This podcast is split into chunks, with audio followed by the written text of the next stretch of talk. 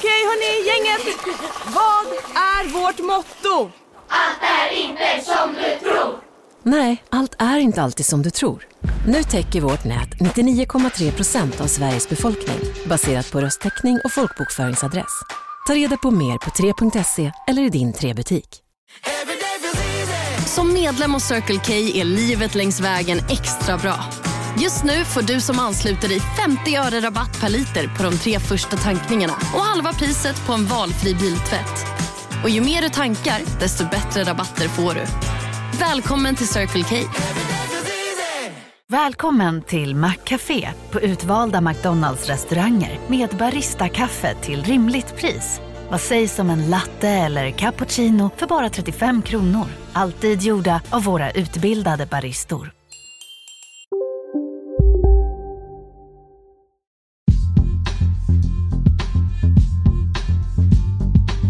Faktum är att Sverige inte ens har koll på vilka som bor i landet. Det här leder till trångboddhet och bidragsfusk. Jag ser också behov av eh, att se över om vi förutsättningar för en, en folkräkning. Och därför så är vi glada. Och för att använda statsministerns ord så är det en sjujäkla skattesänkning. Om man har en migration som innebär i storleksordning att man inte klarar av integrationen, ja det är klart att då, då blir det så att vi får eh, sociala spänningar. Det finns väldigt många unga personer som vill bli framgångsrika gangsters. Man får häda, driva med och, och eh, göra satir av sånt som andra håller heligt. Dags att räkna Sveriges invånare. Här fann tydligen S och M varandra. Statsministerns ord om invandring och brottslighet. Vad betyder det, som han sa i riksdagen och i TV? Mitt i pandemikrisen kommer ett nytt jobbskatteavdrag, eller vad ska man kalla det? Och är det hets mot folkgrupp att bränna en bok?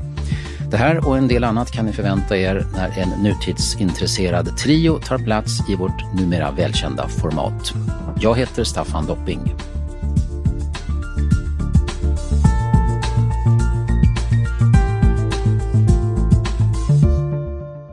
Hej och välkommen till veckopanelen. Det är vecka 37. Vi har höstkänning och riksdagsåret har dragit igång så inrikespolitiken lever i högsta grad. Och det är inga nykomlingar som är med i panelen idag. Vad sägs om Inga-Britt Ahlenius? Välkommen! Tack så mycket. Jag sitter på Gotland i en härlig sensommardag. Toppen! Och vad sägs om Lisa Pelling, utredningschef på progressiva tankesmedjan Arena Idé med särskilt ansvar för demokrati och välfärdsfrågor? Roligt att vara här. Välkommen tillbaka Lisa. Och Viktor Bart Kron, politisk kommentator på kvällstidningen Expressen och bland annat eh, medlem och aktiv i podden Verkställande utskottet. Men nu i den här podden? Ja, är det samma Viktor som jobbade på Kvartal för ett år sedan? Ja, visst är det det. Förhoppningsvis ett år äldre och klokare, men, men i övrigt samma. Detta är alltså trion som eh, leder panelen idag och innan vi går in på regeringsförklaring, folkräkning och koranbränningar så tar vi oss an några händelser som har svept förbi under veckan. Vi börjar med en inte helt odramatisk generaldirektörsavgång. Regeringen har ju bestämt att det blir ett högskoleprov i höst, trots lärosätenas coronavarningar. Då brast tålamodet hos Karin Röding, generaldirektör i Universitets och högskolerådet. Det är fortfarande så att eh, hälsan går före ett högskoleprov. Och gör rektorerna bedömningen att eh, de inte kan ta ansvar för att, att det inte blir något utbrott vid någon av de här 120-130 orterna, då litar jag på det. Karin Röding som alltså slutar intervjuad av SVT. Det är inte så vanligt att generaldirektörer avgår självmant på grund av missnöje med regeringen. Eh, men eh, Viktor Bart Kron, har regeringen agerat på ett avvikande sätt mot den här myndigheten? Det är kanske en avvikande situation. Det har ju varit väldigt mycket turer fram och tillbaka och ingen har väl egentligen haft någon tanke på hur, hur ska man hantera högskoleprovet i händelse av pandemi? Det kanske inte är det som låg först i byrålådan bland färdiga idéer. Så det har väl varit struligt fram och tillbaka och eh, det är oppositionen har ju tryckt på väldigt hårt för att det här ska hända. Så det är, ju, det är svårt att bara klandra regeringen kanske. Har det nästan blivit januaripolitik av detta med högskoleprovet? Jag vet inte om man ska säga det. det alla vill väl ha högskoleprovet. Sen vill vissa det mer än andra och det har väl delvis att göra med vilket ansvar man har för genomförandet. Ju längre från mm. ansvaret, desto mer vill man ha högskoleprovet verkar det som. Det gäller både politiskt och, och ytterst då myndigheten. Lisa Pelling, finns det något intressant i hennes motiv för att avgå? Jag tycker att det var mer intressant för henne att som generaldirektör se till att hon får de förutsättningar som krävs för att hon ska kunna göra det som politikerna vill. Alltså jag, jag tycker att hon eh, hade en skyldighet att uppfatta det som Viktor beskriver här. Alla vill ha högskoleprovet. Och det är många som har uttalat sig om det. Ungdomsförbunden, studentorganisationerna, eh, arbetsmarknadens parter. Alla vill att människor inte ska behöva stå och stampa nu under coronakrisen utan kunna komma vidare och komma in på högre studier. Du tycker hon gjorde fel som hoppar ja, men, av? Ja, ja, ja, det är rimligt att hon frågar eh, rektorer. Kan ni ordna det här säkert? När hon får svaret nej, då är det, borde hon ställa frågan vidare. Jag behöver så här mycket resurser, jag behöver en samordnare, jag behöver det här för att kunna genomföra det. Eh, det, det är inte särskilt konstruktivt att avgå, tycker jag. Inga-Britt Ahlenius, var står du här? Jag tycker att det var tufft och utmärkt av, av henne att avgå. Det finns ju en lång, eh, som jag, som jag ser det, tidsaspekt i detta där regeringen eller genom, genom, genom statsrådet i utbildningsdepartementet har ställt sig bakom Karin eh, Rödings eh, beslut som ju också vilar på att eh, 31 högskolerektorer står bakom det. Och sen när det visar sig att, att Karin Röding säger att det finns ingen tid att göra det här och då säger regeringen påhejad av oppositionen, det vill säga av riksdagen, att man vill ha det här gjort ändå, så inrättar man en samordnare, denna skvader som ska då igen, egentligen eh, bli en slags överrock eh, för henne. Jag tror inte att det här, i det här fallet hjälper med resurser utan handlar egentligen om en väldigt stor principiell, principiell fråga om förvaltningens ställning och om generaldirektörens ställning.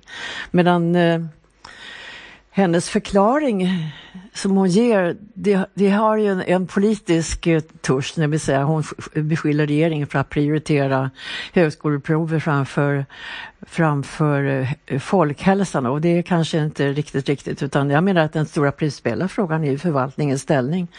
Det som Bo Rothstein eh, brukar beskriva som Sveriges största tillgång, nämligen en, en, en, en förvaltning av hög kvalitet och med eh, integra tjänstemän som leder den. Det är ett slag mot, tycker jag, mot eh, förvaltningen, inte bara mot henne utan mot också de 31 rektorerna. Okej, en annan ekonomikopplad politisk nyhet som kom i veckan var den här, redovisad av Expressen TV. Moderaterna har flera gånger uttryckt hård kritik mot Socialdemokraternas egna lotteri. Men nu startar Moderaterna själva ett lotteri. Nej, men det är väl jättebra. Vi, vi vill ju vara mindre beroende av offentliga bidrag till partier och mer beroende av vad människor ger frivilligt. Ja, det här moderatlotteriet, är det ett tecken i tiden, Lisa Pelling? Jag vet inte, men det är, det är, konstigt att de har väntat ända tills nu. Varför har de inte startat ett lotteri tidigare? Det är väl ett jättebra sätt att eh, eh göra det lite roligare att donera pengar till sitt eh, favoritparti. Man kan då och då så får man en handduk per posten för att man har vunn, med posten för att man har vunnit i lotteriet. Eller är det en ironisk attack på Socialdemokraterna som har haft lotterier i massor med år och som enligt Moderaterna, Viktor, inte har skött det där snyggt? Jag trodde det först, ska jag vara helt ärlig och säga, när jag såg länken att nu, nu har de gjort en, någon, någon form av satir här för att, för att vara kritiska mot Socialdemokraterna. Det var din första tanke. Du, du frågade om det är ett tecken i tiden. Jag skulle säga att det är ett tecken ur tiden. Det känns väldigt anakroniskt att dra igång en sån här sak nu. Särskilt när man går in på hemsidan som, som känns som ett hemmabygge från tidigt 2000-tal. Det är så här, gud, nu kan man ordna lotterier på internet. Det ska vi göra i vår lilla förening. Alltså det, det, det, är, något, det är något charmigt eller ovärdigt beroende på hur man ser det i, i, i hur, genomförandet av det här. Jag, vill, jag ser inget principiellt problem. Det är i så fall att man har varit så oerhört arg på Socialdemokraterna i samma fråga, men det är mer en liten pinsamhet. Eh, det här är väl som Lisa säger, ett utmärkt sätt att tjäna en liten peng. Jag tror att pengen blir ganska liten, för styrkan i Socialdemokraternas lotterier är ju att folk inte går runt och tänker att det här är pengar som går till Socialdemokraterna. Och det är väl också det Moderaterna varit arga på. Ja, lotteriet heter ett av deras. Ja, precis. Och de har ju många väldigt stora lotterier grejer som vanligt, vanligt folk spelar, inte primärt för att stödja S utan för att vinna pengar eller vinna någonting. Moderaternas eh, kanske inte utövar riktigt samma lockelse för de, på de breda kundgrupperna. Men, eh, så jag, jag, är väl spontant tveksam till om de får in mer pengar än vad det kostar att administrera, men det är deras problem, inte mitt. Inga-Britt, har du någon tanke om detta politiska lotteriet? Nej, jag har inte noterat det så mycket faktiskt, men jag tror snarast att det är väl en, ett, en ironisk eh, spark åt socialdemokratin som ju har haft ett eh, monopol kan man säga på, på lotteriverksamheten och, och därigenom fått in mycket pengar. Men jag tror inte Moderaterna får in särskilt mycket pengar på sitt förslag.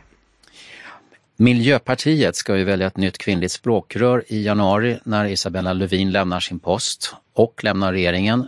Eh, flera kända miljöpartister har redan sagt att de inte kandiderar, exempelvis Amanda Lind och Alice Bah Kuhnke. Men nu kommer en person och säger att jag vill bli språkrör och det är Miljöpartiets talesperson i ämnet biologisk mångfald. Rebecca Lemoine heter hon. Eh, till Dagens Nyheter bland andra berättar hon att hon kandiderar men också att hon helst ser att ett av partiets språkrör står utanför regeringen. Och det framstår rätt klart som att hon själv gärna är den som står utanför. Per Bolund för att stå för den mer pragmatiska sidan och Rebecca Lemoine för det mer radikala och principfasta. Det är hennes egna ord faktiskt. Eh, jag har inte hört någon annan miljöpartist än hon som säger säkert att hon vill efterträda Lövin. Åsa Lindhagen har nu antytt, eller hon överväger starkt har hon sagt. Men vad händer nu om denna Lemoine blir Per Bolunds kollega vid extrakongressen i januari, Viktor? Det vore en helt unik och väldigt intressant situation i eh, politiken. Jag, jag, önskar nästan helt opartiskt att den ska hända just för att, eh, bara för att det vore så fascinerande att ett parti Eh, förutsatt att Miljöpartiet är ett regeringsparti vid det laget, det är jag inte alls säker på skulle alltså ha en minister, alltså sin kanske mest etablissemangsorienterade företrädare som den ena partiledaren och sin kanske mest aktivistiska politiker på den högsta nivån, alltså riksdagsnivån, eh, som den andra partiledaren. En partiledare som står bredvid Magdalena Andersson och pratar om sunda statsfinanser och en som vill välta hela systemet över ända. Och de här ska utgöra någon form av duo. Det, det är ett väldigt intressant experiment hur eh, allmänheten uppfattar en sån situation. Om man uppfattar det som en frisk fläkt eller som fullständigt idiotiskt. Jag är inte alls säker. Det vore väldigt spännande att se det hända. Vad tror Gotland? Ja, jag tror att eh, situationen för Bolund i regeringen som ändå har valt, där Miljöpartiet har valt att eh, jag vill säga ansvarsfullt leda riket, han kommer att få stora bekymmer om man har en, en sån lyskraftig, tror jag, och aktivistisk person eh, som sin partner att leda partiet. Det tror jag blir helt omöjligt för honom. Lisa? Eh, jag tror att det är fel eh, position inom politiken för en sån person som vill vara kompromisslös och principfast. Det finns andra möjligheter att jobba med politiken, att vara just eh, eh, dela ett partiledarskap med ett regeringsparti. Jag tror att det bara leder till frustration och att den som då så att säga går till val på inför medlemmarna för att vara den personen som inte ingår kompromisser ganska snart kommer inse att hon måste det. Eh, annars så får hon inte igenom någon del av politiken. Eh, Ehm, så att jag, jag, det, det vore synd eh, att om Rebecka gick den vägen. Jag tror att hon kan behövas i riksdagsgruppen istället som en som är principfast och kompromisslös och driver intressanta långsiktiga frågor. Hon är en av de eh, politiker i Sverige till exempel som tar upp det här med ekocid. Så att man ska ha en lagstiftning som gör det straffbart att skövla naturen som ytterligare ett verktyg som man skulle kunna behöva när det gäller att, eh, att hantera klimatkrisen till exempel. Eh, men, men det är fel att vara eh, partiledare tror jag. Eh, så du menar att när hon, Lemoine, nu, hon sitter i riksdagen nu och är denna talesperson, nu gör hon nytta men om hon kliver upp eh, på Lövins gamla plats då blir det mindre verkstad för det som hon önskar? Ja det tror jag. Alltså jag tror att, att, att faktiskt att Isabella Lövin är ett, ett väldigt bra exempel på hur en politiker kan göra enorm skillnad genom att göra rätt kompromisser, välja sina strider. Jag tror att ingen miljöpolitiker i svensk historia har varit så ohyggligt framgångsrik som hon har varit. Både på EU-nivå, på global nivå och på, på, svensk nivå. Men det har ju kostat på. Då har man varit tvungen att göra mm. kompromisser mm. inom andra områden. Och det har inte varit bra för Miljöpartiet. Det är också lite krasst. Det måste Miljöpartiet utvärdera. Så det är möjligt att eh, den här andra varianten gör Miljöpartiet mer framgångsrika i valet. Frågan är till vilket pris? Viktor? Jag är inte säker på att kompromisserna är, eh, i sig själva dåliga för Miljöpartiet. Jag tror att det kan finnas, alltså, om jag ska vara lite mer allvarlig i analysen av det här så tror jag att Miljöpartiets problem är snarare att man fortfarande faktiskt inte har bestämt sig för om man ska vara ett parti som är pragmatiskt, som uppnår resultat och, och där kompromisser är en naturlig del av verksamheten, som för de allra flesta partier. Eh, eller om man ska vara den här aktivistiska rörelsen som aldrig går emot något som strider mot partiets själ, som stora delar av partiet fortfarande tycker att man ska vara. Nu har man suttit som regeringsparti i sex år, men man har fortfarande inte riktigt orkat släppa eh, den där idealismen. Vilket gör att man framstår som ett parti som hela tiden går emot sin själ, för det är det enda man pratar om. Och man liksom är upptagen med en introspektiv debatt som är väldigt kritisk. Det, det skickar väldigt konstiga signaler till de som förväntas rösta på det här partiet. Man, man vet inte vad man har om, kommer de sitta kvar i den där regeringen? Vi har i sex år diskuterat, ska Miljöpartiet lämna regeringen? Och det gör vi eftersom miljöpartister hela tiden pratar om det. Jag, jag tror att i, i grunden så borde man välja antingen Per Bolund-vägen eller Rebecka Elfman-vägen. Och Rebecka Lemön-vägen leder inte till Rosenbad, men den kan göra nytta ändå kanske. Men, men då är man en annan typ av parti än det man nu har halvhjärtat har försökt att vara. Nu går vi till veckans första huvudämne.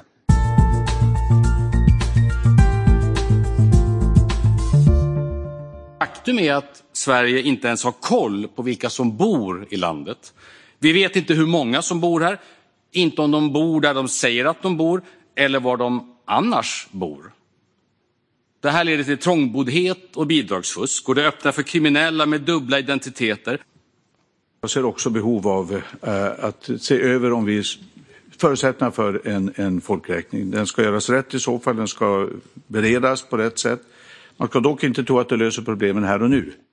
Ja, det var under partiledardebatten i onsdags, dagen efter att riksmötet öppnades, som moderatledaren Ulf Kristersson testade statsminister Stefan Löfven på förslaget att genomföra en omfattande nationell folkräkning nästa år. Moderaterna vill reservera en halv miljard kronor för att genomföra en sån folkräkning och det är för att bekämpa brott och att inleda bygget för ett tryggare Sverige som det här är centralt, säger Moderaterna. Eh, och i riksdagen i onsdag så gick kanske lite oväntat Stefan Löfven, moderatledaren, till mötes. Lisa Pelling, finns det skäl att tro att en ny folkräkning skulle kunna bidra till att det så kallade samhällskontraktet värnas och att staten får lättare att bekämpa brott?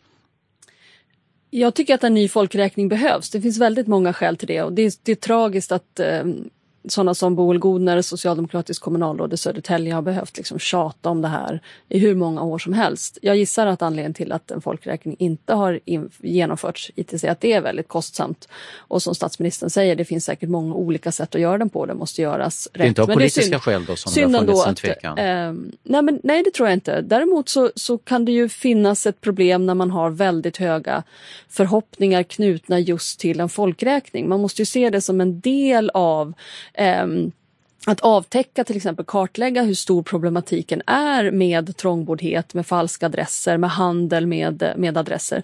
Nu vet vi redan ganska mycket om det, men det skulle vara bra att ha en ordentlig kartläggning. Men sen för att lösa det så måste man ju lösa frågan om bostadsbristen. Det, det, är så att det är brist på bostäder på de platser i Sverige där människor kan hitta en, en, en försörjning. Eh, och, och, det är det som är grundproblemet. Folk vill inte bosätta sig i Södertälje för skojs skull, utan det är där arbetsmarknaden finns. Man kan inte leva i, i småorter i glesbygden om man är nyanländ i Sverige för man kan helt enkelt inte försörja sig där. Viktor Bartkron, vill Ulf Kristersson och Stefan Löfven ha en folkräkning av ungefär samma skäl? I grunden tror jag ändå det.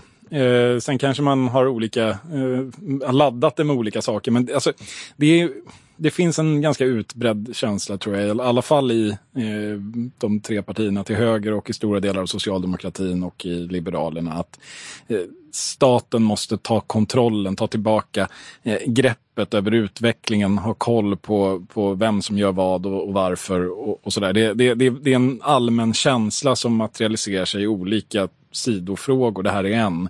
Att eh, man, man känner att det, det, det, är orimligt. Vi, vi har en trångboddhet som vi inte har kontroll på. Vi vet inte. Vi, vet, vi kan inte analysera samhällsproblemen för vi vet inte exakt hur de ser ut. Det, där är en, eh, det, det, är något slags allmänt uppvaknande till att eh, man, man genom underlåtenhet har försatt sig i, en ganska besvärlig men det situation. Lite, med lite olika vinklar här, att ja. man ska upptäcka trångboddhet eh, och hjälpa till att folk ska slippa ha en så eländigt å andra sidan. Eller att, så att säga, attackera folk som fuskar och bedrar och stjäl. Ja, men det hänger ju ihop.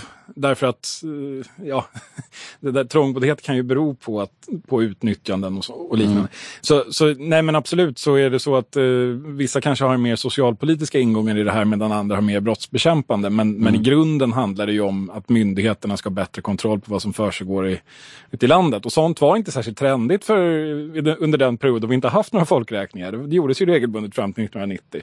Efter det så har det inte skett. Och, och det, jag ja. tror absolut det, det är kostsamt men det är också så här, komma dragandes med en folkräkning i nej, 2005. Det, var kanske, det skulle väl låta ganska apart. Det var ju det, som någon form av eh, förmynderi som, som inte var särskilt populärt. Ja, och på en pressträff i riksdagen sa Stefan Löfven eh, att på Expressens fråga att det egentligen är Moderaterna som historiskt har varit motståndare till folkräkningar, mm, sa han då. Det, det, de har inte velat. De, de brände blanketterna till, till det här på 90-talet för att markera det hela. Inga-Britt Ahlenius, kommer du ihåg de, de där striderna? Nej, jag kommer faktiskt inte ihåg de där striderna och jag har hela tiden nu varit undan till varför det överhuvudtaget har funnits någon slags motsättning, i varje fall ytligt sett till att man borde av att genomföra folkräkning. Så USA genomför ju eh, folkräkning vart tionde år. Självklart måste ju staten, regeringen, de styrande ha kontroll på vilka det är som bor i vårt land. Särskilt naturligtvis när vi har ett stort utbyggt välfärdssystem som, som kräver eh, skattefinansiering och också kontroll på någon som, som får bidrag. Jag, jag fick en känsla av när jag hörde Löfven och Kristersson i veckan att de har lite olika önskemål om vart de vill föra det här. Eh, och jag undrar vilken upplösning ska en sån här folkräkning vara? Ska det vara så att varenda mänsklig individ som vistas på svensk mark ska upptäckas eh, och, och eh, namnges och bostadsbeskrivas och helst ha ett korrekt personnummer? Eller vad, vad, vad liksom ligger ambitioner tror ni? Det är det som Fria Moderata Studentförbundet såg framför sig att pappa staten gick runt med en sån liten chipmaskin som man använde för hundar och liksom märkte upp oss allihopa. Nej, så kommer det ju inte att bli. Däremot så är det, är det viktigt att få reda på vem som bor eh, var.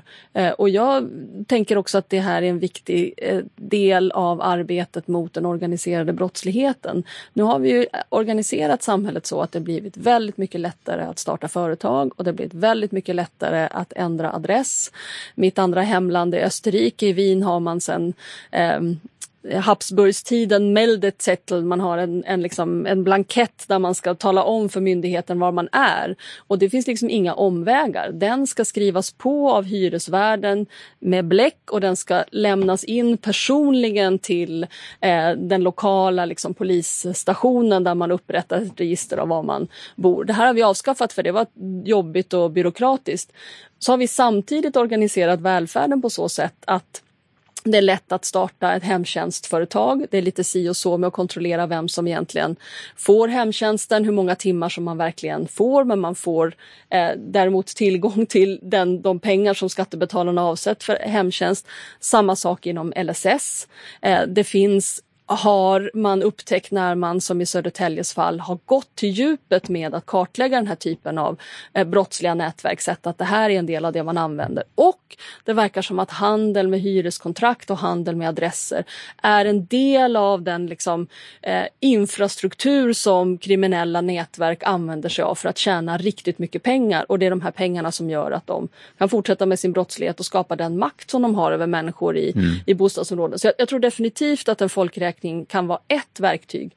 Men vi måste också se till att vi organiserar välfärden på rätt sätt. Och kanske att man tittar över möjligheter, ja, hur, hur vi gör när man eh, mm. organiserar företag. Och i onsdags så var Stefan Löfven också gäst i SVT Aktuellts halvtidsutfrågning av partiledare. Och då gav han ett svar till programledaren Anders Holmberg som av många har uppfattats, svaret alltså, som ett sidbyte i en fråga som är på mångas läppar.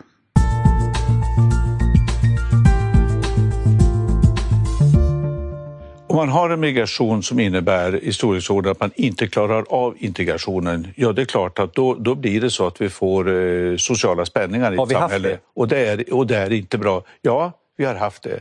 Så vi har, och det är därför regeringen som jag leder har sett till att ändra migrationspolitiken. Men vi har haft en så stor migration att den har lett till att spä på kriminaliteten. Vi har haft en sån migration som innebär att vi inte klarar integrationen mm. tillräckligt bra. Om det inte är tillräckligt många som kommer att arbeta av de vuxna, då ser barnen att eh, de vuxna inte är i arbetet. Då tror man kanske att det är det normala. Eh, och, och andra sociala spänningar. Så det är, ja, det är ett problem och det är därför den regering jag leder la om migrationspolitiken. Så nu tar vi emot betydligt färre. Ja, det satt långt inne. Men vad var det Löfven sa egentligen? Sa han det som många har valt att tolka honom som? Viktor Bartkron, red ut. Det han sa var egentligen det som varje Eh, logiskt tänkande människa har, har räknat ut att han egentligen menar i fem år nu. Eh, trots att han inte har liksom, haft förmågan eller viljan att, eh, att formulera det själv. Eh, alltså Socialdemokraterna, precis som han säger, det är snart i höst, är det ett halvt decennium sedan den här så kallade helomvändningen i, i, i migrationspolitiken hösten 2015. Eh, där man valde att strama åt eh, invandringen till Sverige med argumenten att det skapar en, för mycket sociala spänningar, det, vi klarar inte integrationen, det leder till utsatthet och eh, ekonomisk och social och så.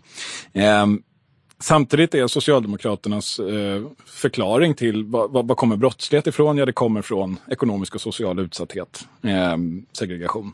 Skillnader? Ja. Eh, och, och sen så kommer då frågan, finns det en koppling mellan, mellan stor invandring och brottslighet? Ja, den finns ju där. Har ju själv, man har ju själv beskrivit den med mellansteget i den, de klyftor och den utsatthet som skapas om man inte klarar integrationen. Precis det Stefan Löfven nu säger. Men det har man inte liksom velat vidgå. Jag vet inte varför. Har man varit rädd för att, eh, ja många socialdemokrater har gjort det, men just Stefan Löfven har haft svårt med det. Eh, och det har ju kostat enormt mycket trovärdighet. För det går inte ihop för människor. Alltså, det finns här en förklaring, den är ganska logisk, den har ingenting med etnifiering eller, eller rasism att göra. Den, den är väldigt enkel. Så här skapas klyftor, klyftor leder till, eh, till brottslighet. Men det var ett nytt besked han gav helt enkelt. Ja, ja, men det är ju det han har sagt indirekt hela tiden. Men sen när han har fått den direkta frågan, då har han börjat sluddra om att han ska inte tillskriva vissa etniciteter, precis som ingen har frågat om. Eh, så, så nu säger han ju egentligen någonting han kunde ha sagt för fem år sedan. Vad är det som gjorde att det kom just den här veckan? Att man helt enkelt, någon i hans omgivning har väl noterat att det här går inte ihop. Folk köper det inte för det låter, det låter för konstigt. Alltså du, du kan ju inte beskriva ett orsakssamband, eller två orsakssamband som uppenbart hänger ihop och sen förneka kopplingen mellan dem. Eh, det, det, det, det, han, han har snurrat till det här för sig så mycket så att nu blir det då en jättestor nyhet att han säger någonting han egentligen har sagt hela tiden. Så, så ja, det är en stor nyhet eftersom han har, ja, du förstår vad jag menar. Det, det, det, det, mm, man har krånglat till det på ett helt obegripligt sätt för sig, för någonting som skulle kunna vara helt okontroversiellt och till och med kanske en tillgång för Socialdemokraterna. Alltså, va, alltså förklaringen till varför det ser ut som det gör eh, är det ju många som köper. Ehm, och den, men, men, ändå har man valt att eh, krångla till det på det här konstiga sättet. Jag förstår inte riktigt. Inga-Britt Alenius, var det ett glasklart besked vi fick av statsministern? Ja, att det, att det finns delade meningar inom Socialdemokraterna. Det vill säga en stor, en stor del av, de, de gamla gråsossarna inser ju att man måste i Sverige ha en reglerad invandring. Det har ju alltid varit en socialdemokratisk politik och det var ju också någonting som Olof Palme Eh, försvarade och argumenterade för. Men eh, jag såg ju en ganska bisarr debatt i tv häromdagen mellan Vidar Andersson som ni företräder i den här pragmatiska delen. Vi måste naturligtvis ha en reglerad invandring och Veronica Palm som, som ja, enligt min mening uppenbarligen tyvärr ser i en helt annan värld. För hon ser inte några som helst problem i verkligheten av en, en invandring vars konsekvenser vi inte kan hantera därför att integrationen av dessa människor fungerar inte. Så det måste vara så att partiet är splittrat i frågan och han har försökt länge nog att balansera men nu tvingas han ju att komma mm. ut på den mm. pragmatiska sidan. Men när det gäller just brottsligheten, eh, så det är det som kopplingen mellan en stor migration och sen en, en stor brottslighet i vissa områden, det var väl det som var det känsliga och tidigare har eh, Stefan Löfven alltså sagt i flera år då att, att Eh, är det brottslighet så beror det på arbetslöshet och problem i skolor och sociala och ekonomiska skillnader. Det skulle bli likadant, lika mycket brottslighet om det har varit eh, svenskar som hade haft motsvarande omständigheter, eh, sa han för inte så länge sedan. Lisa Pelling, vad, vad, vad, är din uppfattning om vad betydelsen är av Löfvens ord här? Jag vet inte om han säger så mycket annorlunda än det som du just nu sa. För han, han, det han säger är ju att eh, om integrationen inte fungerar Alltså om, det, om människor hamnar i ett samhälle med höga klyftor som gör att människor förlorar hoppet om att eh, en skolutbildning kan ge en bra framtid, om man förlorar hoppet om eh, ett eh, vanligt jobb, om man bor trångt, om man ehm, bor i områden där ehm, polisen inte lyckas förhindra brottslighet, då, då, då leder det till en väldigt liksom, problematisk situation. Sen är det den här kopplingen mellan är det så att det är omfattningen på invandringen, på migrationen, vår asylpolitik till exempel, som avgör hur bra integrationen fungerar. Och där är det ju viktigt att, att se att det finns ingen automatik i det. Det är, inte, det är inte antalet som avgör det utan det är helt andra saker som avgör det. Vilken typ av arbetsmarknadspolitik man har, hur högt har bostadsbyggande man har. Nej, antalet har betydelse men det är inte ensamt avgörande. Och, och eftersom antalet är avgörande så har vi ju en reglerad invandring. Och den, den, det är ju, eh, finns ju inget riksdagsparti som driver att invandringen inte ska vara reglerad. Den är reglerad eh, till, till ehm, eh, antal i, i, i, i den meningen att man har reglerat eh, på vilka grunder man kan få asyl och på vilka grunder som man kan få eh, arbetstillstånd i Sverige. Men man förenklar debatten på ett väldigt farligt eh, och, och eh, ohederligt sätt när man säger att eh, eh, migrationen i sig är det enda som har betydelse för hur integrationen fungerar. Ja, det vet jag inte vem som har sagt, men här är det frågan om att Socialdemokrat, eh, nu pratar jag ur Socialdemokratiska partiets perspektiv, alltså man har i fem år då eh, ägnat sig åt att tala om att man minsann har stramat åt invandringen från den ansvarslösa borgerliga regeringen och Miljöpartiet, som råkar sitta i regeringen nu också, men det, det talar man lite tystare om. Eh, och man har gjort det med argumentet att för att klara integrationen så, så, måste det bli färre. Det är Socialdemokraternas utgångspunkt. Man har haft två partikongresser sedan man sa det. Eh, det har inte blivit överkört. Man har gått till val på ett sådant budskap eh, åtminstone före valet. Eh, det är liksom den etablerade socialdemokratiska de facto hållningen. Eh, och den, det är den jag pratar om. Sen kan man tycka att den är fel, men det har varit partiets hållning. Eh, samtidigt som partiets hållning också har varit att eh, brottslighet orsakas av just de eh, effekter man ser av en för stor invandring. Och att sen då komma och förneka kopplingen mellan, mellan A och C här, eh, istället för att bara säga ja den finns men den går via B. Det är det som är konstigt. Eh, och sen kan man som sagt tycka att det, är, att det är fel att göra antagande A, det vill säga att en, för, eh, en alltför stor invandring leder till att vi inte klarar integrationen. Det är att det är andra orsaker som är i spel, absolut. Eh, men det är inte det Socialdemokraterna har sagt. Eh, och det är därför som, om det hade varit Stefan Löfvens politik och linje, ja då hade det varit en annan sak. Men det är det inte, utan här har man då stramat åt invandringen med de argumenten och man förklarar brottsligheten med ett argument som är besläktat och sen förnekade man kopplingen mellan A och C. Och det har kostat jättemycket trovärdighet tror jag. Eh, därför att, och på ett sätt som är helt onödigt egentligen. Jag tror inte att alla socialdemokrater tror jag, eller väldigt många accepterar ju både den första och den andra kopplingen. Eh, men genom att ladda den här kopplingen mellan kopplingarna med så mycket eh, att den blir så farlig, mm. så har man själv gjort den farlig, tror jag. Eh, och, eh, lite på, toxiskt. Ja, och det, det, där har man ju sig själv att skylla lite grann. För det, ja, jag, som sagt, jag, jag begriper. Hej, Synoptik här. Livet med glasögon ska vara bekymmersfritt. Därför får du 30% på alla glasögon när du väljer Synoptik All Inclusive. All service ingår alltid. Välkommen till Synoptik. Big Mac har miljarder fans över hela världen. Under mer än 50 år har den skapat popkulturell historia. En legend med 100% nötkött och den mytomspunna såsen. Nu finns Big Mac för bara 39 kronor på McDonalds. Hej, Susanne Axel här. När du gör som jag och listar dig på en av Krys vårdcentraler får du en fast läkarkontakt som kan din sjukdomshistoria. Du får träffa erfarna specialister, tillgång till lättakuten och så kan du chatta med vårdpersonalen. Så gör ditt viktigaste val idag, lista dig hos Kry. Begriper inte. Det, det, det är ofattbart klumpigt. För nu är det som att nu gör man sig ovän i alla läger istället för att eh, försöka liksom, pragmatiskt ställa sig i den breda mittfåran av svensk opinion där man ju rent tekniskt annars befinner sig. Inga-Britt? Ja, jag har ingen, ingen annan, annan synpunkt än att, eh, att eh, det är klart att socialdemokratin måste landa i den här pragmatiska synen på invandring och inse också att invandring när, man där Sverige inte klarar integrationen också medför att eh, man får en, en, en, kriminalitet. Sen måste man också ha klart för sig att, att den kriminalitet vi har, vi har också är baserad på speciella gäng. Vi har mc-gäng och vi har också det som är nu är klanbaserad eh, immigration som är specifik men som ändå hör ihop med, med invandringen. Mm, veckans nyhetsrapportering har ju verkligen präglats av gängkriminaliteten och eh, Kvartal gjorde ju också en fredagsintervju, live special, om det ämnet när vi intervjuade kriminalinspektör Fredrik Kärrholm om hans nya bok Gangstervåld. Och jag intervjuade också socialarbetaren Bettan Byvald som har sett en gradvis försämring av tryggheten i Angered i Göteborg där hon arbetar sedan mer än 30 år. Jag tror att straffen bör alltid utdömas som en eh, rättvis vedgällning för en ond gärning.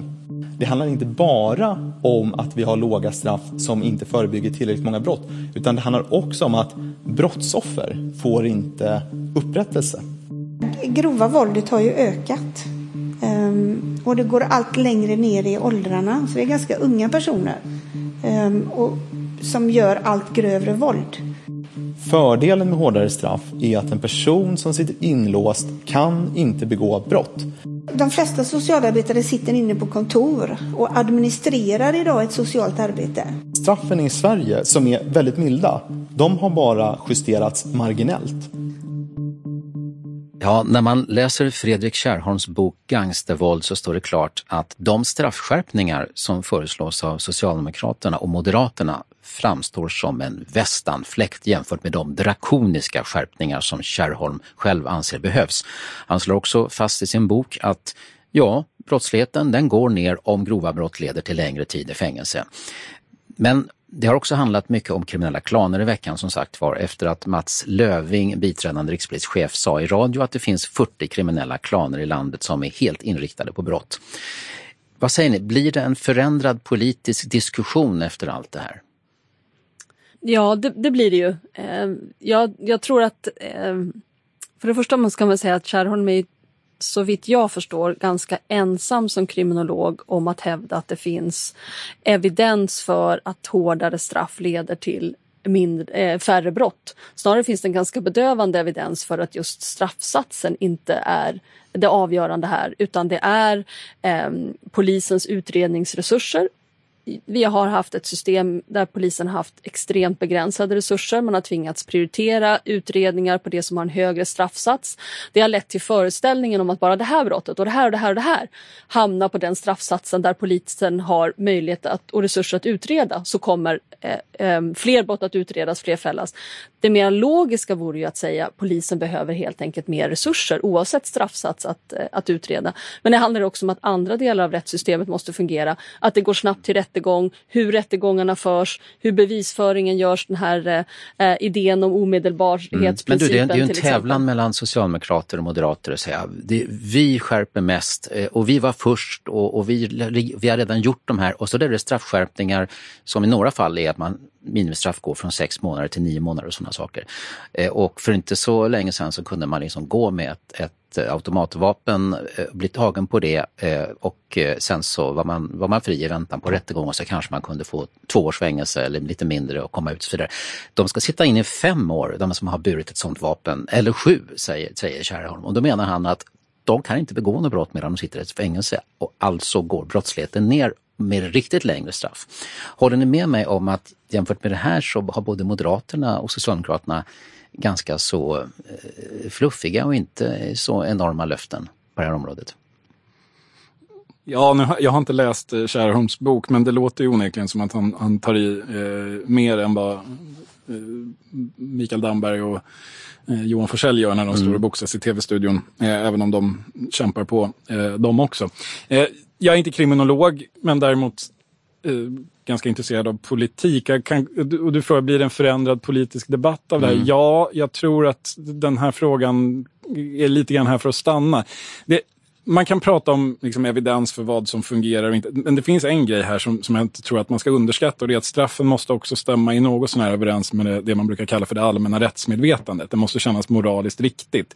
När om en våldtäktsman döms till sex månader i fängelse så skaver det i människor. Folk blir arga. Man tycker att det här är inte, det här är inte nog. Det här ger inte brottsoffret upprättelse. Det här är, det är inte rimligt. Du, må, du måste vara... Eh, och det, där, den diskussionen har uppstått ganska mycket kring de här grova våldsbrotten där det har varit yngre personer inblandade. Eh, där en eh, 18-åring kan begå ett vidrigt brott och komma undan med, med jämförelsevis då, i, i, i förhållande till det allmänna rättsmedvetandet extremt lågt straff. Eh, eller om man är ännu yngre, kanske några år i ungdomsvård. Eh, det där, där tror jag att det finns ett starkt tryck just för att eh, man kan inte, alltså det som, det som händer kan inte stå i strid med liksom någon slags allmän uppfattning om vad som är rätt och riktigt hur länge som helst, eller hur mycket som helst i alla fall.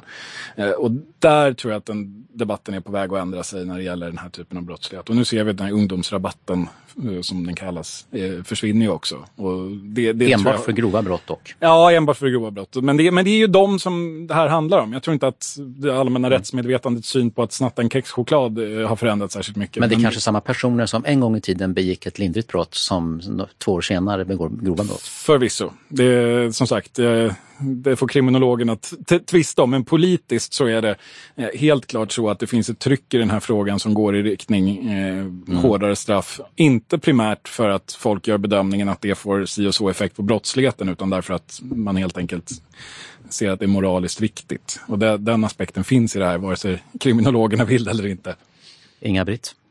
Jag hoppas ju inte bara på en debatt utan jag hoppas ju verkligen att, eh, att eh, Lövings eh, rapportering och även Kärrholms bok ska medföra att både regering och riksdag inser situationens allvar och att det händer någonting. Det här är ju inte, det här är ju inte den, första, den första rapporteringen vi får. Brå gjorde 2016 en väldigt stor genomgång av kriminaliteten i vårt land och polisen eh, eh, gjorde en, en 50-sidig utredning 2017 som pratade om utsatta områden. Det hände ingenting egentligen efter det annat än att, eh, att de eh, kommunalråd i de utsatta områdena blev sura över att de blev rubricerade som utsatta områden och ansåg att det var stigmatiserande. Men det hände inga, egentligen ingenting. I november 2018 så kommer Polismyndigheten med skrivelse till, till regeringen som pekar på alla de här alla de här problemen.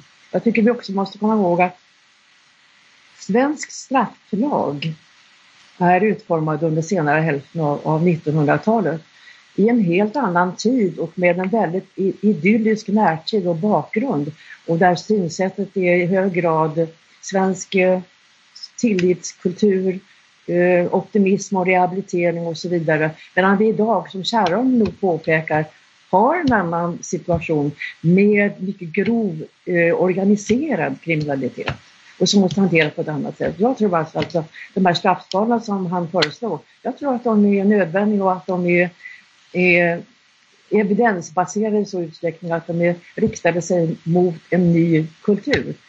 Man inkapaciterar grova brottslingarna och man, samtidigt så, så för man undan de förebilder för de unga som finns i de här kriminella områdena. Nu går vi över till den stora skattesänkningen som också presenterades i veckan. Skatten ska sänkas för 7 miljoner svenskar.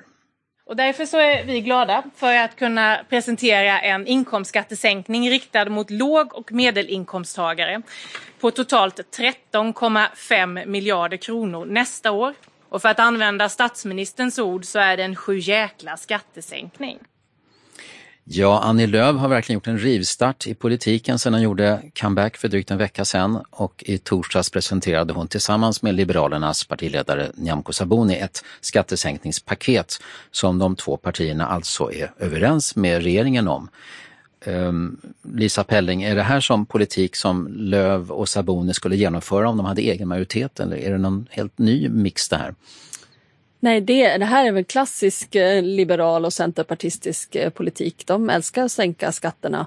Frågan är om det är så vettigt att fortsätta rida på den käpphästen även mitt under en global pandemi. Det är ju, I vanliga fall så är det ju eh, finns det ju så att säga mm, ett argument för att ge människor mer pengar i plånböckerna för att man med ökad konsumtion kan hoppas på att eh, den här konsumtionen i sin tur skapar sysselsättning. Men det finns ju väldigt stor risk att den här typen av skattesänkning bara gör att folk fortsätter att lägga pengar på hög. För vi är rädda för att konsumera. Vi Men du, det är vill inte bara det argumentet. Vi vill också- inte resa, vi vill inte äta på restaurang, vi vill inte gå och fika, vi vill inte gå och shoppa. För vi är rädda för att bli smittad med coronaviruset och som det ser ut just nu så kanske den rädslan håller i sig Men du, långt under in på pandem- 2021. Ja, men, men pandemin har också inneburit, sa till exempel finansministern, att vissa familjer måste köpa saker som de inte hade tidigare. De kanske måste köpa en ny cykel för att de inte vill åka kollektivt och hade ingen bra cykel, det kostar pengar.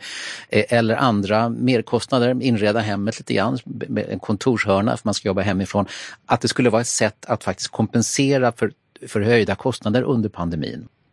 Det finns det andra sätt tror jag att kompensera för höjda, höjda kostnader. Bland annat kan man ju se över eh, de subventioner som finns i form av bostadsbidrag till exempel. Man kan också titta på, på barnbidraget, man kan justera upp eh, den, den typen av eh, Du gillar av inte den här skattesänkningen? Nej, jag, jag, jag tror inte att den kommer vara särskilt eh, effektiv faktiskt. Och det, det är 13,7 miljarder som jag tror att man skulle kunna använda mycket smartare. Ska vi liksom ösa ut de miljarderna och riskera att folk sparar de pengarna eller ska vi liksom spara gemensamt som samhälle till exempel för att göra viktiga infrastruktursatsningar som vi kan användning för när pandemin är över? Viktor Bart Kron, var det här en sju jäkla skattesänkning? Det skulle nog Anders Borg ha synpunkter på. Han gjorde trots allt en del skattesänkningar i den här eh, klassen. 140 miljarder. Ja, totalt. precis. Det, det blev en del till slut där. Ehm, så det var en överdrift att säga så?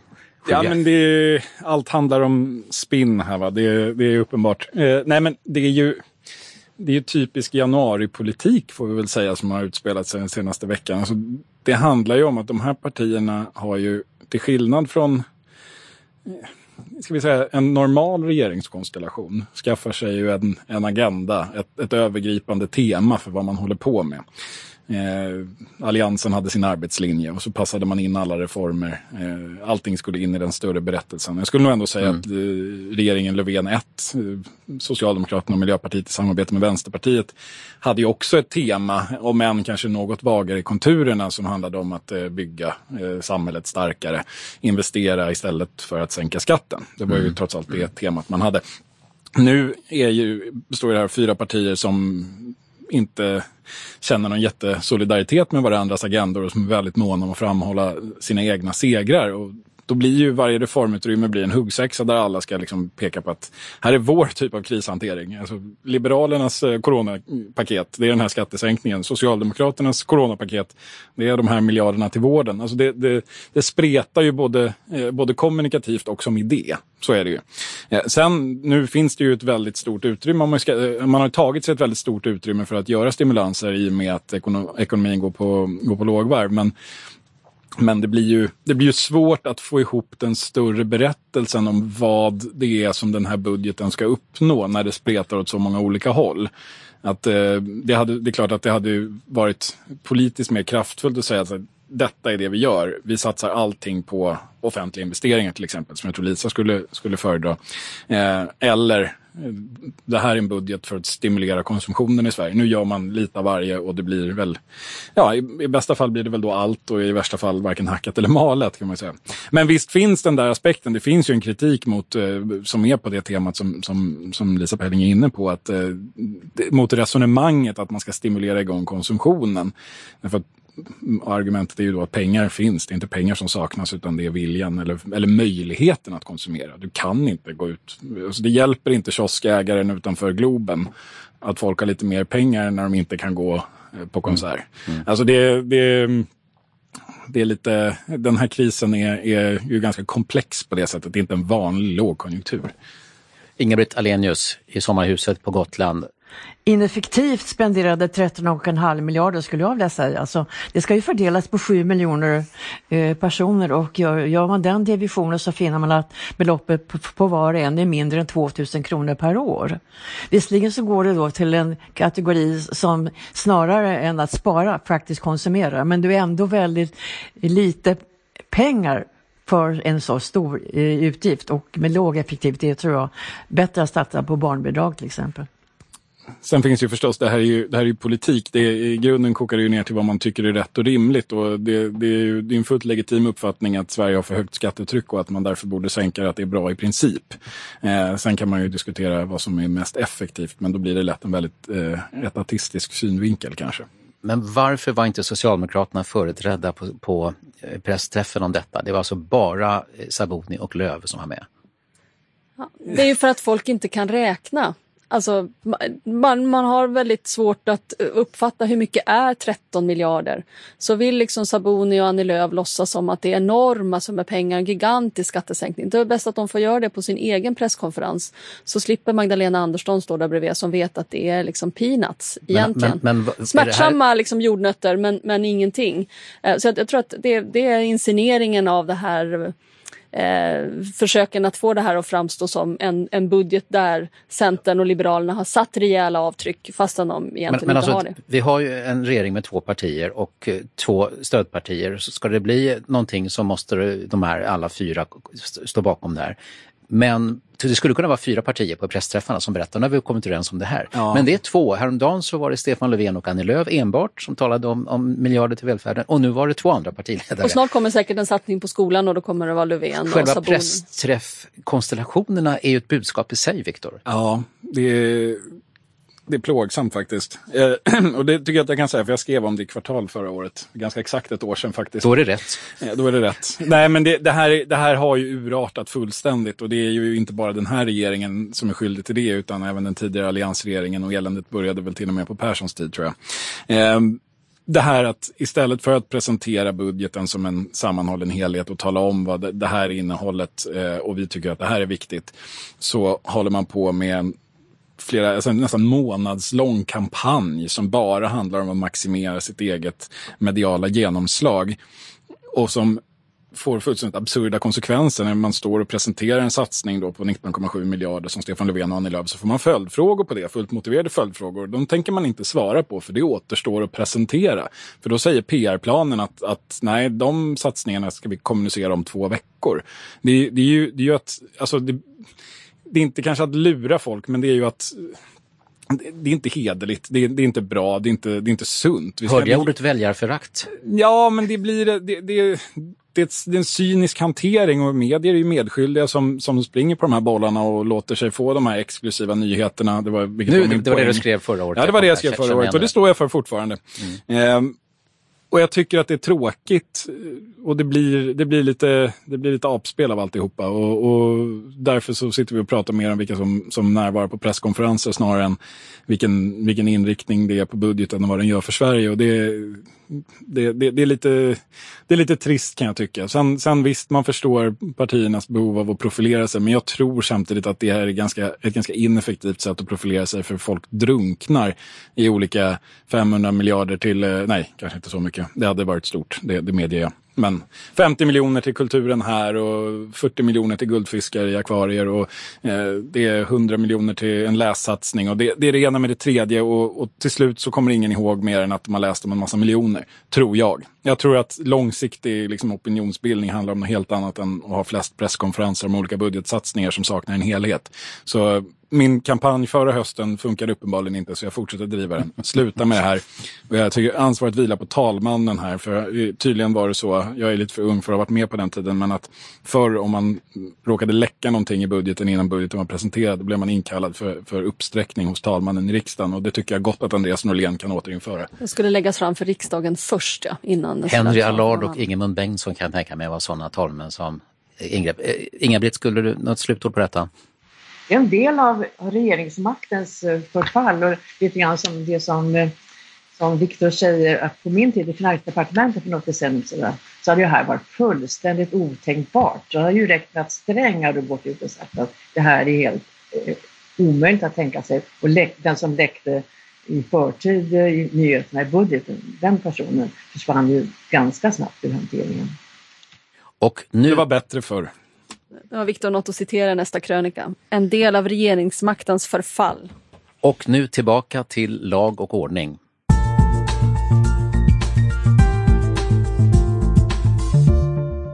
Man får häda, driva med och, och uh, göra satir av sånt som andra håller heligt.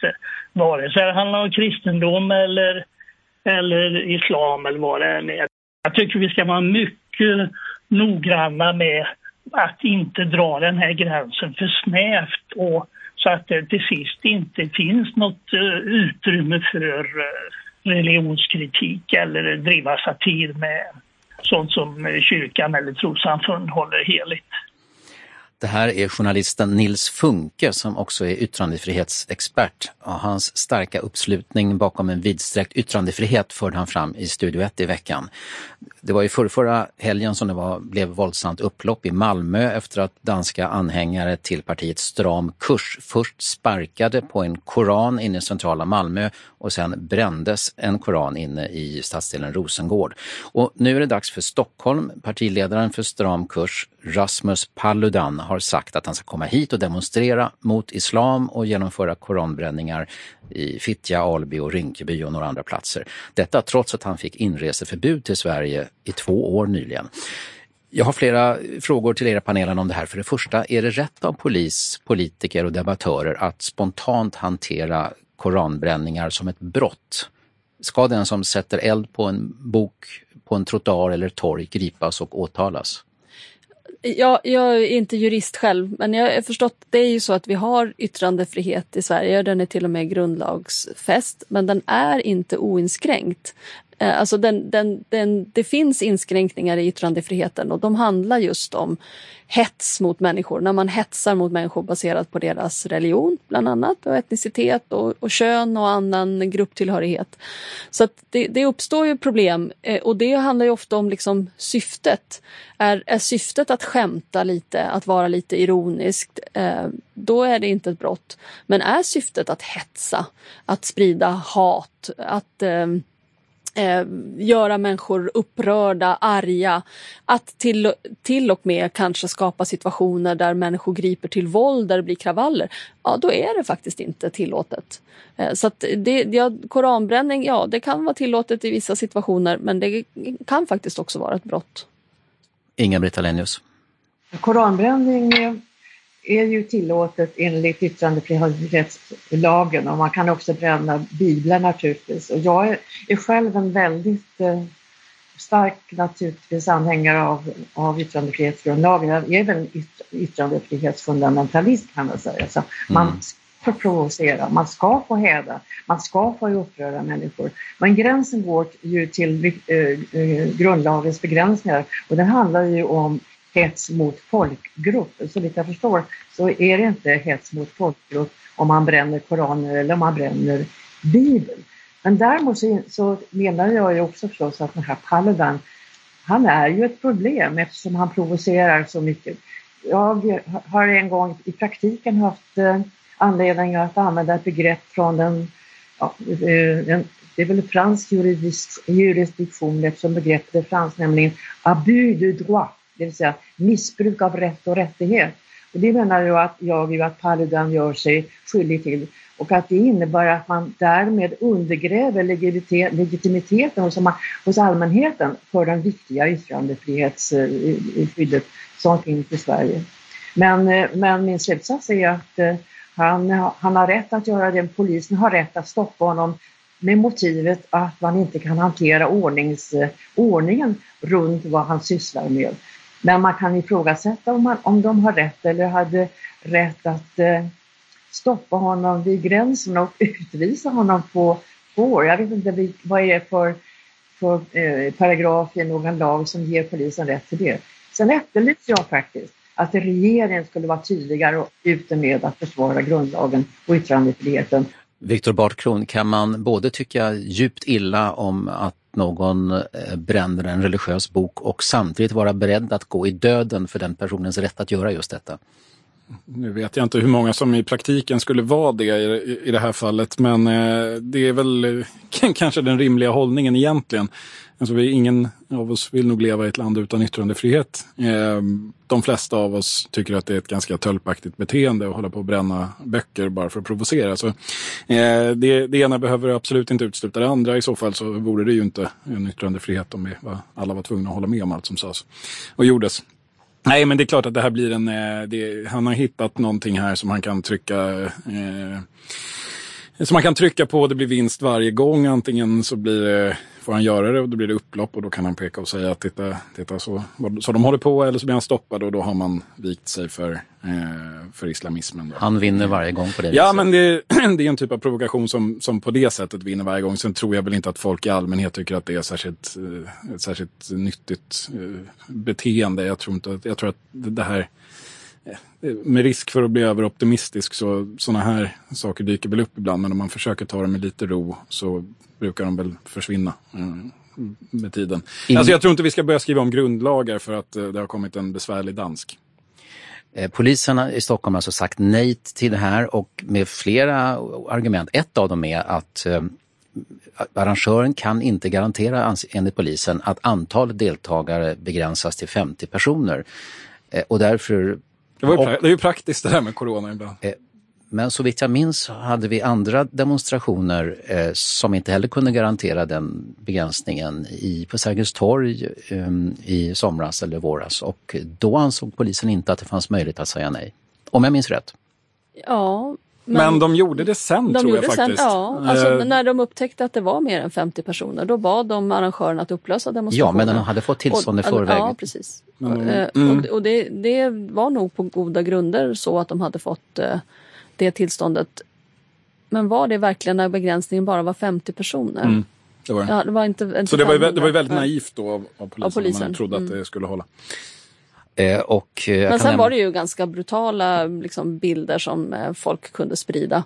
Som ville demonstrera mot polisvåld fick ju liksom, sitt lysmäte när polisen rider in med hästar på Slottsbacken och sådär. Idag har Kvartal publicerat en analys av eh, Jakob Rudenstrand som bland annat sitter i styrelsen för en internationell kristen organisation som heter Open Doors Sverige som arbetar med att stötta kristna som är förföljda i världen. Och hans text går ut på att det är farligt om lagen och polisen ingriper för att befolkningen ska tvingas att respektera religiösa känslor. Jakob Rudenstrand anser att hets mot folkgrupp-lagstiftningen har getts en allt vidare tolkning och i praktiken kan vara på väg att bli en hädelselag. Så den bör ni läsa, den texten, tycker jag. Det är dags att eh, nästan runda av med hjälp av era bidrag, era egna bidrag. Eh, Viktor, Inga-Britt och Lisa, veckans ord och person. Eller citat. Jag skulle vilja ta veckans land. Veckans land, vad det, innovativt. Ja, det är Danmark. Det är ett oerhört tjat om Danmark i svensk politik just nu. Eh, Moderaterna har verkligen upptäckt Danmark och Ulf Kristersson bjöd ju hit eh, den eh, tidigare danska justitieministern Søren Pape Poulsen och var oerhört stolt över detta. De åt lunch och det var många bilder som kom ut här. Det, det är ju helt uppenbart så att eh, Danmarks eh, hantering av både det ena och det andra blir allt mer en förebild, åtminstone för den svenska högern. Och delar av socialdemokratin får man säga, för där finns det en där är man lite imponerad av Mette Fredriksens eh, arbete. Hon är ju nu socialdemokratisk statsminister i Danmark. Det tittar Mm. många socialdemokrater gärna på, medan högern då i Sverige tittar gärna på vad de tidigare borgerliga regeringarna gjorde i samarbete med Dansk Folkeparti. Så Danmark är väldigt trendigt och eh, då inte främst på grund av den här Rasmus Paludan då, som även om han då bidrar såklart till att sätta Danmark högst på agendan. Så Danmark är veckans, vi kan säga ord om det ska, rätt ska vara rätt här, så tar vi, så tar vi det så. Vid, vid, vid yttrandefrihet, vid tolkning. Eh, Ja. Inga-Britt? Jag letade efter en person och liksom Viktor så var jag tvungen att gå över ett vatten för att hitta någon som jag tyckte var värd. Och då fin- finner jag Bob Woodward. Mm. Eh, han var ju den unga journalisten som, som knäckte Watergate-skandalen för nästan 50 år sedan. Mm.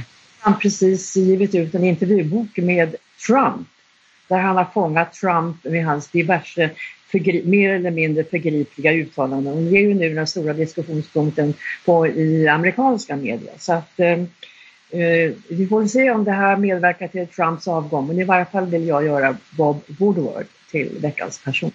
Tack för det. Och eh, Lisa, slutligen? Det är 11 september så då minns vi Anna Lind. Jag tänker att hon kan få vara eh, veckans eh, person. Eh, en utstrålning och en karisma som inte finns i svensk politik just nu men också en politiker som man minns för väldigt stark eh, integritet parad med ett väldigt starkt politiskt engagemang. Så hon är, hon är djupt saknad. Man kan knappt föreställa sig vad socialdemokratin hade varit om hon hade fått leva. Det är 17 år sedan som Anna Lind dog den 11 mm. september. Det är vi många som minns den morgonen och den där presskonferensen med en tårögd och eh, mycket skakad Göran Persson. Tack så mycket. Eh, stort tack till panelen. Lisa Penling, utredningschef på Arena Idé, Inga-Britt Alenius eh, med alla dina gamla erfarenheter eh, sedan många år och Viktor Bart Kron, politisk kommentator på Expressen. Detta var veckopanelen. Ja, det är mycket nu, som Stefan Sauk sa i tv-klassikern Lorry på 90-talet. Och då är det förstås viktigt både att hänga med och följa samhällsutvecklingen både här hemma och i världen. Jag tänker lite extra på Belarus förstås, men också på USA och på grekiska ön Lesbos. Eh, om ni tycker att det är viktigt det som Kvartal gör så hoppas vi att ni överväger att göra en ekonomisk insats om det finns utrymme för det i privatekonomin. Man kan stödja oss med små och stora belopp eh, som regelbunden licensbetalare eller mera à la carte. Länkar och mer information om det på vår hemsida. Tack än en gång för att ni följer Kvartal. Ni som mest lyssnar på våra poddar Ta en titt på våra essäer och andra textinlägg också. Man blir inte mindre medveten om vår värld om man tar del av det där. Den här veckan handlar det om public service, om Socialdemokraternas arv vad gäller invandringspolitik, om politisk korrekthet och om blasfemi eller hädelse. Vi hörs igen om några dagar, hoppas jag. Trevlig helg. Och tänk själv.